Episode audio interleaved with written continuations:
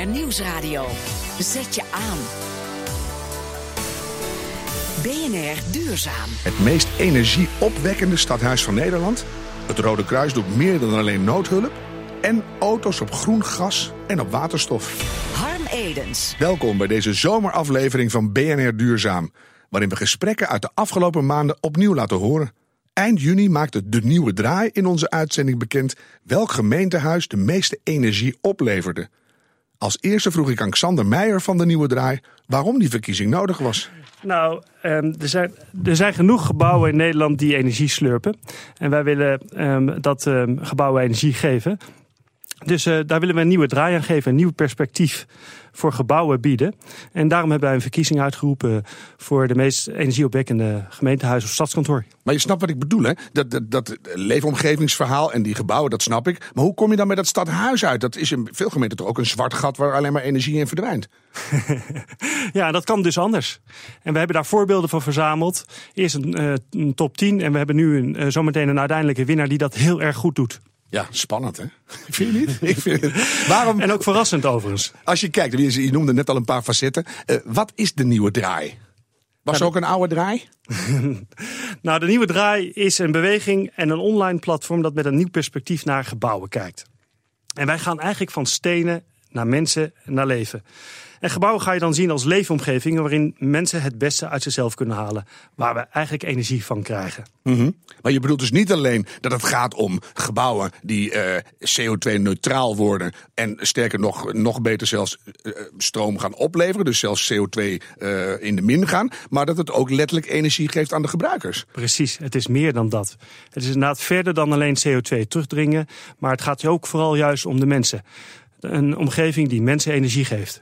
En dan kijk ik even naar, we hebben hier een juryvoorzitter, Maurits Groen. Je bent de duurzaam ondernemer en wakka wakka light guru. Aangenaam. Vind je het geen mooie betiteling? Hoe, hoe kan je nou zien of een gebouw, want jij zat in de jury, dan moet je dat goed eerlijk uh, bezureren. Hoe kan je nou zien of een gebouw energie geeft aan de werknemers die daar werken? Nou, om te beginnen wil ik even zeggen dat ik het heel knap vind dat ze een bestaand ouderwets kantoor stadkantoor. Wat veel energie, energie slurpte, zou ik maar zeggen. Wat er ook veel minder mooi uitzag dan het nu. Hè. Het is een supermodern kantoor. Je zou niet zeggen dat het een oud omgewerkt kantoor is. Dat, dat, was één van de, de laatste twee, drie. Hè? Want we weten nog helemaal niet waar het heen dobbert. Nee, toch? maar dat, dat, dat klopt dan vast. Ja. Uh, waar, je, waar je dan kunt zien is uh, of mensen zich plezierig voelen. Hè, of ze... Uh, of het een groene omgeving is, of ze geen lawaai-overlast van elkaar hebben, uh, of het klimaat daar goed is, of het CO2 goed gemeten wordt. Hè. Ik bedoel, als er te veel CO2 in de lucht is, dan, dan word je suffig. En dan krijg je die ouderwetse ambtenaren, zou ik bijna zeggen. Ja. En gewoon een, een, een kantoor wat letterlijk en figuurlijk energie geeft. En, en dat is dan in dat soort aspecten? Of heeft het ook te maken met dat je bijvoorbeeld uh, het huppelgehalte meet vrijdag om vijf uur als mensen naar huis gaan? Of ze dan nog in staat zijn om vrolijk het pand te verlaten? Maar het zit in kleine dingen, denk ik. Nou, het, een van de grappige dingen vind ik ook dat er op 100 werknemers, 100 ambtenaren, maar 55 werkplekken zijn. Dat wil zeggen dat, dat je dus heel compact bij elkaar zit. Dat je efficiënt gebruik maakt van die ruimte. Mm -hmm. Maar dat er ook heel veel interactie is. Dat je niet altijd op jezelfde plekje zit. Dat je elkaar vaak tegenkomt, ook bij de koffiekormer. Dat je als je even ergens iets moet doen, dat je een stil hoekje uitzoekt. Maar dat je vervolgens ook weer andere collega's tegenkomt. Waardoor de interactie gewoon enorm toeneemt. Jij onthult gewoon beetje bij beetje wie de winnaar is. Zullen we er gewoon Knap, even he? een officieel moment van maken? Uh, er waren vijf finalisten. Utrecht, Groningen, Peel en Maas, Den Bosch en Medemblik. En, en dan laat ik een betekenisvolle, spannende stilte vallen. En dan zeg ik, Maurits Groen, juryvoorzitter. Wie heeft er gewonnen? Gewonnen heeft Peel en Maas. Ja, ja, ja, ja,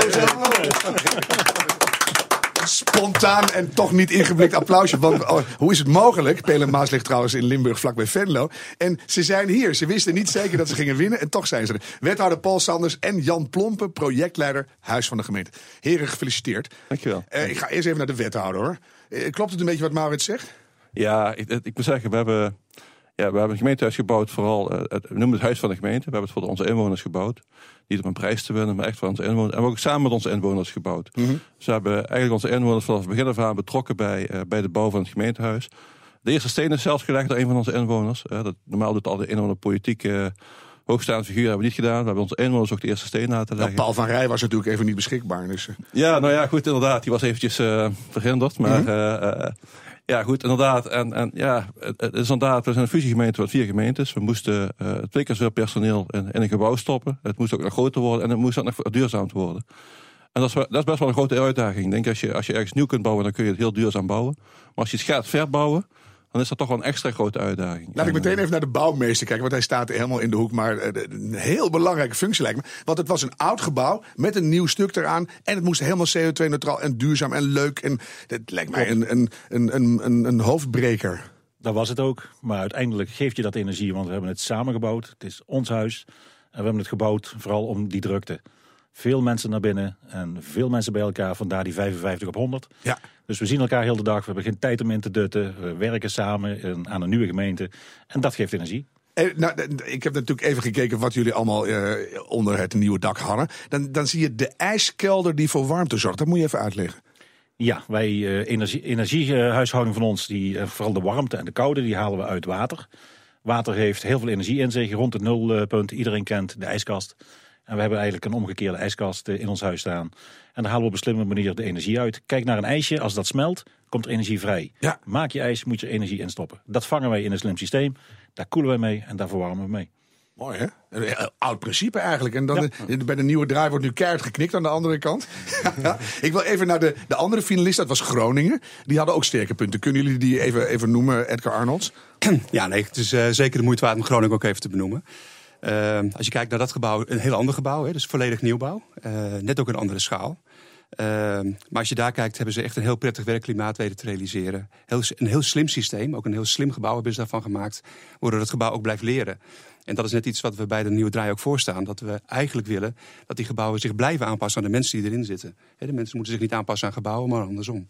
En juist om gebouwen slimmer te maken, krijg je dat eh, goed voor elkaar. En kan je een paar voorbeelden noemen wat Groningen heeft, waardoor dat gebouw makkelijk aanpasbaar is? Nou ja, er zit gewoon heel veel sensoren bijvoorbeeld in het gebouw. Er zit heel veel elektronica in het gebouw die voortdurend meet wat temperaturen zijn, wat eh, de kwaliteit van de lucht is. En aan de hand daarvan wordt bijgesteld, mhm. ofwel incidenteel, ofwel structureel, op het moment dat inderdaad uh, langdurig klachten gaan ontstaan. Ja, want ik, ik werk veel in, in grote gebouwen, hier bij BNR ook. Hier is het af en toe ook een ruime top waar je in zit. En ik ben, mag er dan kort in en uit, maar ik zie heel veel mensen die de hele dag zitten te sudderen overal. Omroepen en bij archieven en bibliotheken. Het is, het is een groot probleem. Ja, helaas hebben we nog heel veel te leren op het gebied van gebouwen. De gebouwen die we maakten die eh, zijn vooral eigenlijk vanuit technische eh, oorsprong eh, gemaakt en in elkaar gezet en ontworpen. En wat we nu pas leren eigenlijk is dat het natuurlijk draait om de mensen die in die gebouwen zitten. Om te zorgen dat die mensen beter presteren, dat die een waarde toevoegen aan de organisatie. En dat kan eigenlijk alleen maar als je, je omgeving gewoon ook waardevoller is. Ja, het is eigenlijk volkomen glashelder. Ik kijk toch nog even naar Maas en Peel. Jullie hebben aan alles gedacht. Zonnepanelen, veel hergebruikt hout, veel planten. Maar ook veel samenwerking met lokale ondernemers. Waardoor je ook, we worden nu op de foto gezet terwijl we in een interview zitten lokale ondernemers, korte lijnen. Dat hoort er allemaal bij hè, om tot een echt duurzaam stadhuis te komen. Nou, bijvoorbeeld die ijsverwarming is een heel mooi voorbeeld ervan. Uh, we zochten wel op zoek naar, naar een, een, duurzame verwarming. En iemand, uh, een van onze ondernemers, die had dat op televisie gezien, uh, op de Duitser ergens. En die zei van, lijkt me een goed idee. En we hebben gezegd van, nou weet je wat, ga mensen erbij zoeken, ga gelijke stemden zoeken. En ga een plan maken. En als je een plan hebt, kom je maar terug. En dat heeft hij gedaan. En heeft heel veel mensen bij elkaar gezocht. Ook een paar ondernemers bij ons uit de gemeente bij elkaar gezocht. Mm en hij zegt van, ik heb een plan klaar. Uh, wat gaan we doen? En we zeggen van, nou, dat gaan we doen. En dus eigenlijk komt het erop neer dat jullie meest innovatieve idee is gepikt van de Duitsers. Nou ja, goed, we liggen natuurlijk heel dicht bij de Duitse grens. En uh, nu, moet, ik eerlijk zeggen, als ik Duitse collega's spreek, dan weten ze niet wat, uh, wat, wat ijsverwarming is. Want zo onbekend is ook nog een keer in Duitsland. Uh, maar goed, het is een heel mooi systeem. Ook onze hele inrichting, eigenlijk alles wat je ziet, hebben we gedaan met lokale ondernemers. En dat is wel heel erg mooi. Ik kijk even naar de nieuwe draai. Uh, is dit een beetje klaar nu? We hebben duurzame stadhuizen. Iedereen kan er een voorbeeld aan nemen. Of krijgen we nu bijvoorbeeld ook het duurzaamste zorgverzekeringskantoor, het duurzaamste voetbalstadion, het meest energieopwekkende bordeel? Ik kan wel even doorgaan. De spijker op zijn kop. Uh, niet alle voorbeelden zullen we misschien gaan volgen. Maar het is in ieder geval zo dat wij uh, inderdaad even gaan om te kijken hoe we Nederland het totaal kunnen verbeteren. En wat gewoon heel erg helpt, dus als je inspirerende voorbeelden hebt. Hè, zoals Pele Maas, die nu echt weer een, eh, een, standaard gezet heeft. Dat daagt natuurlijk anderen uit om daar aan tegemoet te komen en die lat misschien wel weer een stuk hoger te leggen. Ja, hè, zodat we met elkaar gewoon betere gebouwen maken. Maurits, jij, jij, bent juryvoorzitter. Jij kan ook het hele groene veranderingsklimaat in Nederland overzien. Hoe belangrijk is het dat iets kleins, want dat is het eigenlijk stiekem, Maas en Peel, niemand hoort ervan in deze contraien, zo'n belangrijke stap zet? Nou, ik vind het symbolisch. Er zijn kennelijk zoveel mensen al op zo'n goede manier bezig... dat er een beweging van onderop uh, gaande is... waarbij uh, duurzaam niet alleen energiezuinig is, uh, duurzame energie... uh, et cetera. Maar dat ook het sociale klimaat, dat iedereen erbij betrokken wordt. Lokale ondernemers hebben een kwart van de investering gedaan. In elk opzicht is dit, is dit een goed signaal. Ik vind het mooi. En dat iedereen het maar mogen oppakken. Dank Xander Meijer en Edgar Arnold van De Nieuwe Draai. Wethouder Paul Sanders en projectleider Jan Plompen van de gemeente Peel en Maas. Nog nooit zo vaak genoemd op de radio. En jurylid Maurits Groen. Straks, het Rode Kruis is er niet alleen voor noodhulp. BNR Nieuwsradio. Zet je aan. BNR Duurzaam.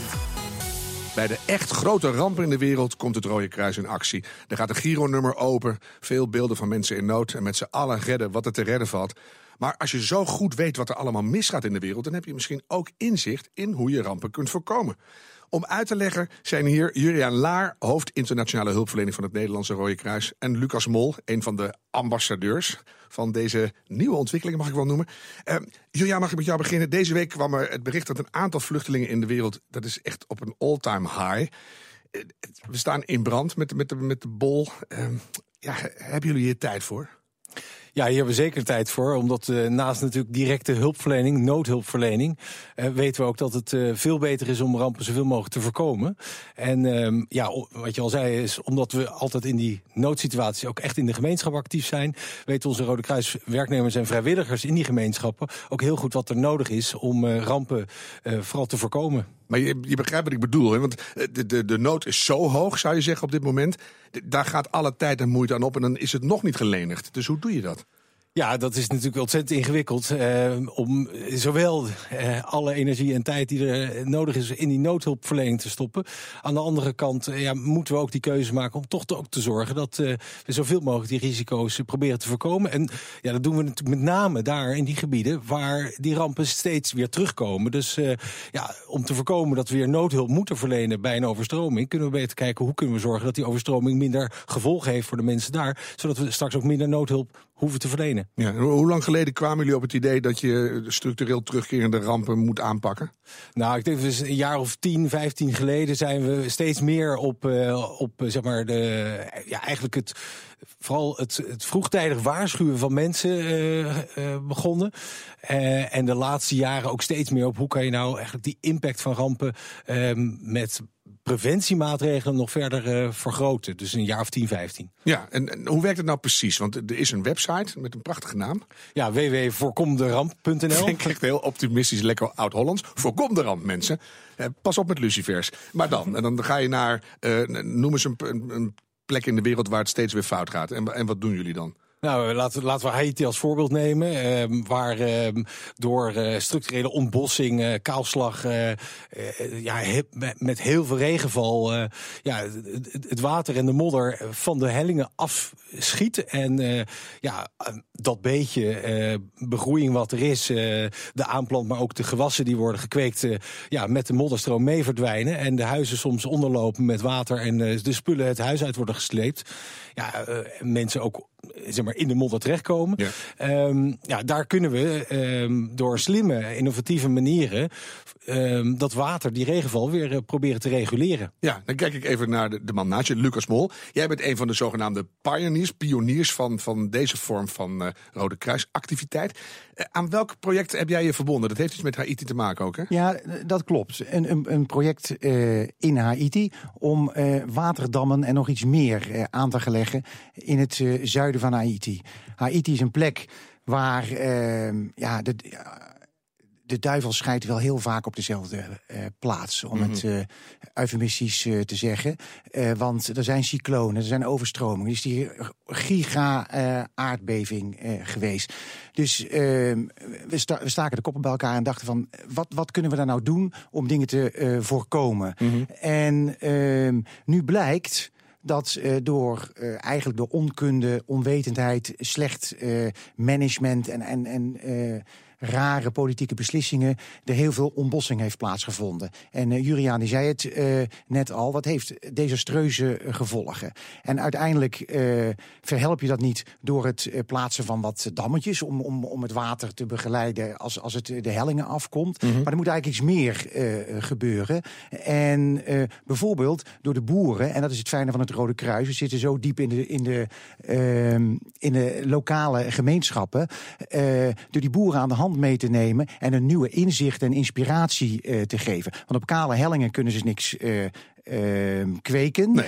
V- Ze gaan dan maar over bijvoorbeeld op geitenhoeden. Maar als je geiten de berg instuurt, die klaar, knagen en knagen en grazen en grazen. Wordt alles nog kaal. kaler, ja. En ieder worteltje wat eigenlijk nodig is om ehm, het zand vast te houden, die vruchtbare grond, Ja. dat, dat verdwijnt weer. Dus het wordt En eigenlijk alleen maar erger. Het dan. wordt alleen maar van kwaad tot erger. Maar je zei het zelf net al, daarom hebben wij het Rode Kruis nodig. Eh, is het andersom ook zo'n Rode Kruis? Zoeken jullie heel bewust eh, gezichten om aan jullie eh, acties te hangen? Hoe, hoe werkt die samenwerking? Nou ja, allereerst eh, is het heel moeilijk om eh, inderdaad middelen te werven, geld te werven voor eh, preventieve werkzaamheden. Noodhulp, ja, dat haalt alle grote nieuwszenders, de acht uur journaals en dergelijke. Ja, dat doet, dat doet dit wat minder. Ehm, en er zijn heel veel mensen in, toch echt geïnteresseerd in dit onderdeel van het werk, dat duurzamer maken.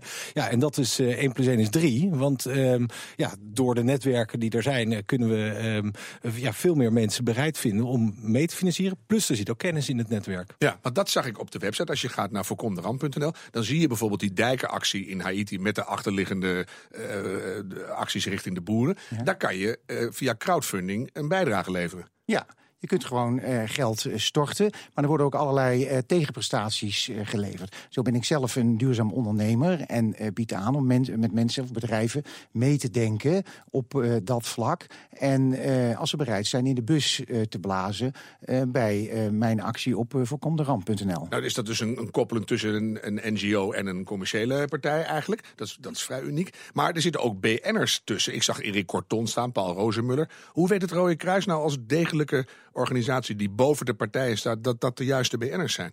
En niet iemand met een publiciteitsdipje.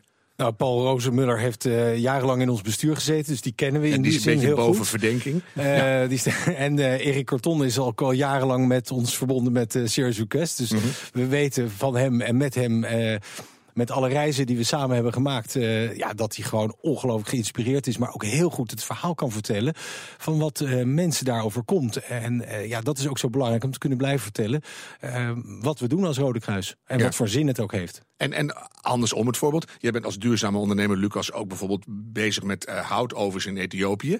Nou, dan, dan weet ik dat er tientallen soorten houtovens in de wereld zijn. Waarom moet je nou net die van Lucas hebben?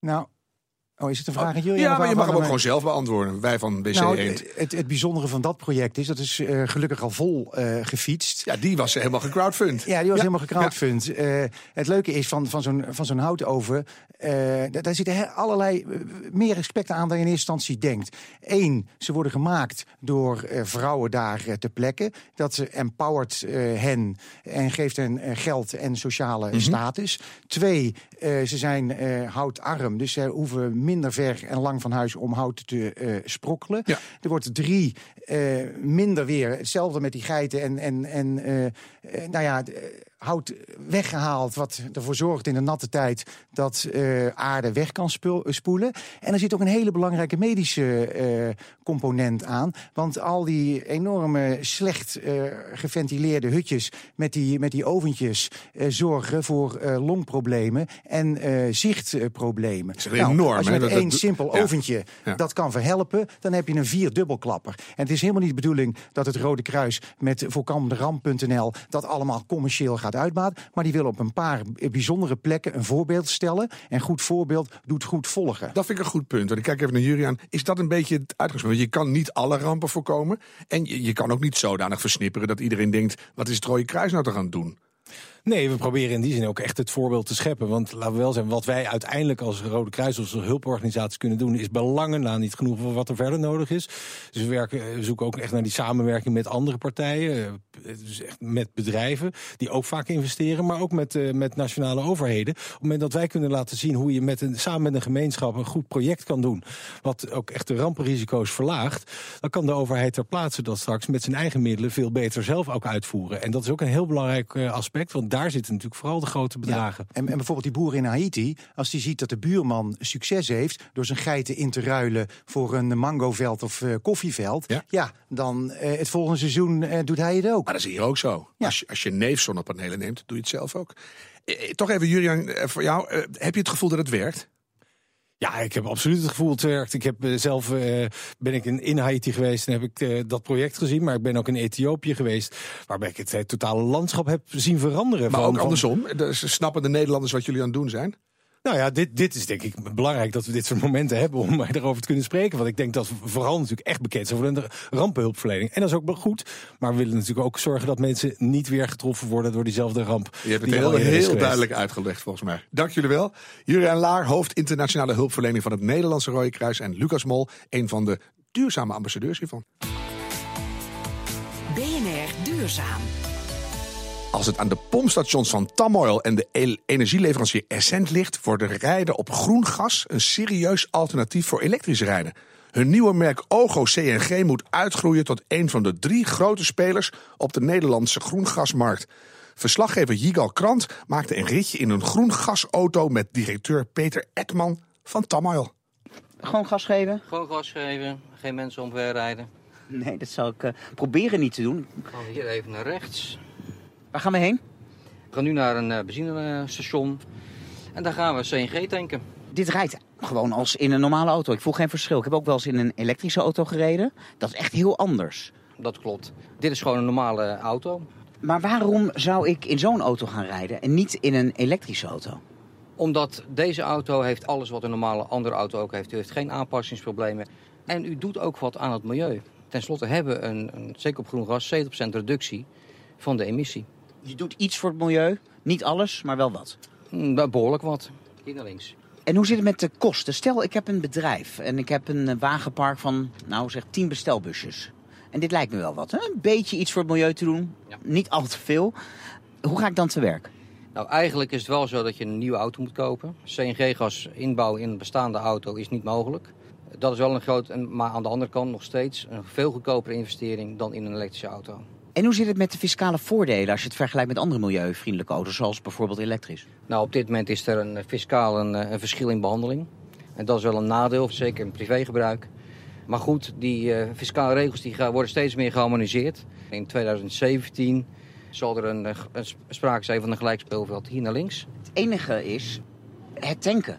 Dat kan natuurlijk niet zomaar overal. Met een netwerk van 130 tankstations in Nederland eh, is er een behoorlijke dekking. Ja, maar dan wil je net die neef op uh, Goeree Overflakkee bezoeken. Zou je net zien, daar heb je geen één tankpunt. Nee, maar je zult zo meteen zien bij het tanken dat we eigenlijk twee brandstoffen kunnen gebruiken. CNG en benzine. Dus eh, daar Twee ingangen. Hij heeft twee ingangen. gaan we hier naar rechts, tankstation op. Als u even iets eh, rechtdoor rijdt, ziet daar dat, dat de zeil staan met Ogo CNG erop. En de tankdop zit aan... In dit geval aan de linkerkant. Zo, voor tank is bij me komen staan Dorcas Koenen van Essent. Ja. Ik heb nog nooit gas getankt. Hoe gaat dat in zijn werk? Eigenlijk zoals we dat kennen ook van het beroemde LPG, zet je gewoon de vuldop op de aansluiting. Dat is eigenlijk net een pistool. En daar gaan we. Ja. Nu hoor ik wel vaak van criticasters dat biogas heel veel landbouwareaal wegneemt. En dat mensen dus wereldwijd gewoon minder te eten hebben. Hoe gaan jullie daarmee om? Nou, de eerstkomende twee, drie jaar is dat echt geen probleem voor de groei die groen gas eigenlijk zou moeten doormaken voor duurzame mobiliteit. En daarna? En daarna moeten we het weer eens even goed bekijken hoe dat op een hele duurzame manier vormgegeven kan worden. Het is wel lastig, hè? Wil je wat doen voor het milieu? En dan heb je elektrische auto's, je hebt groen gas, Ja. waterstof komt eraan. Ja. Wat moet je nou kiezen? Nou, ik denk dat er in een energietransitie niet met één brandstof gewerkt kan worden. Nou, Meer- wat moet ik kiezen? Als je een zakelijke ondernemer bent, zou ik zeker goed nadenken over groen gas. Woon je als particulier in de stad, dan is elektrisch rijden misschien het beste alternatief. Gewetensvraag, wat rijdt u zelf? Ja, ik rij eigenlijk altijd op de fiets. Maar wat rijdt u zelf? Ik rij zelf een gewone benzineauto, nog. Maar u gaat over op... Ik ga bij de eerstvolgende auto over op elektrisch rijden. En als ik een bedrijf zou hebben, zou ik zeker overgaan op CNG. Nou, hij is klaar eh, met tanken. Ja. Voor 6,39 euro getankt. Ja, En dan zit er 6,53, niet liter, maar kilogram in. ja, ja dat klopt. Ehm, dus bijna één op één. Het is bijna één op één. En het is dan ook 10% goedkoper dan diesel. En daarmee zeker als je natuurlijk eh, wagenparken hebt die veel kilometers rijden, al snel economisch interessanter. En goed voor het milieu. En ook nog heel goed voor het milieu. Dorcas Koenen van Essent tegen Jigal Krant. Tot zover de vierde zomeraflevering van BNR Duurzaam. Ik zeg, hou hoop en doe het duurzaam. Tot volgende week.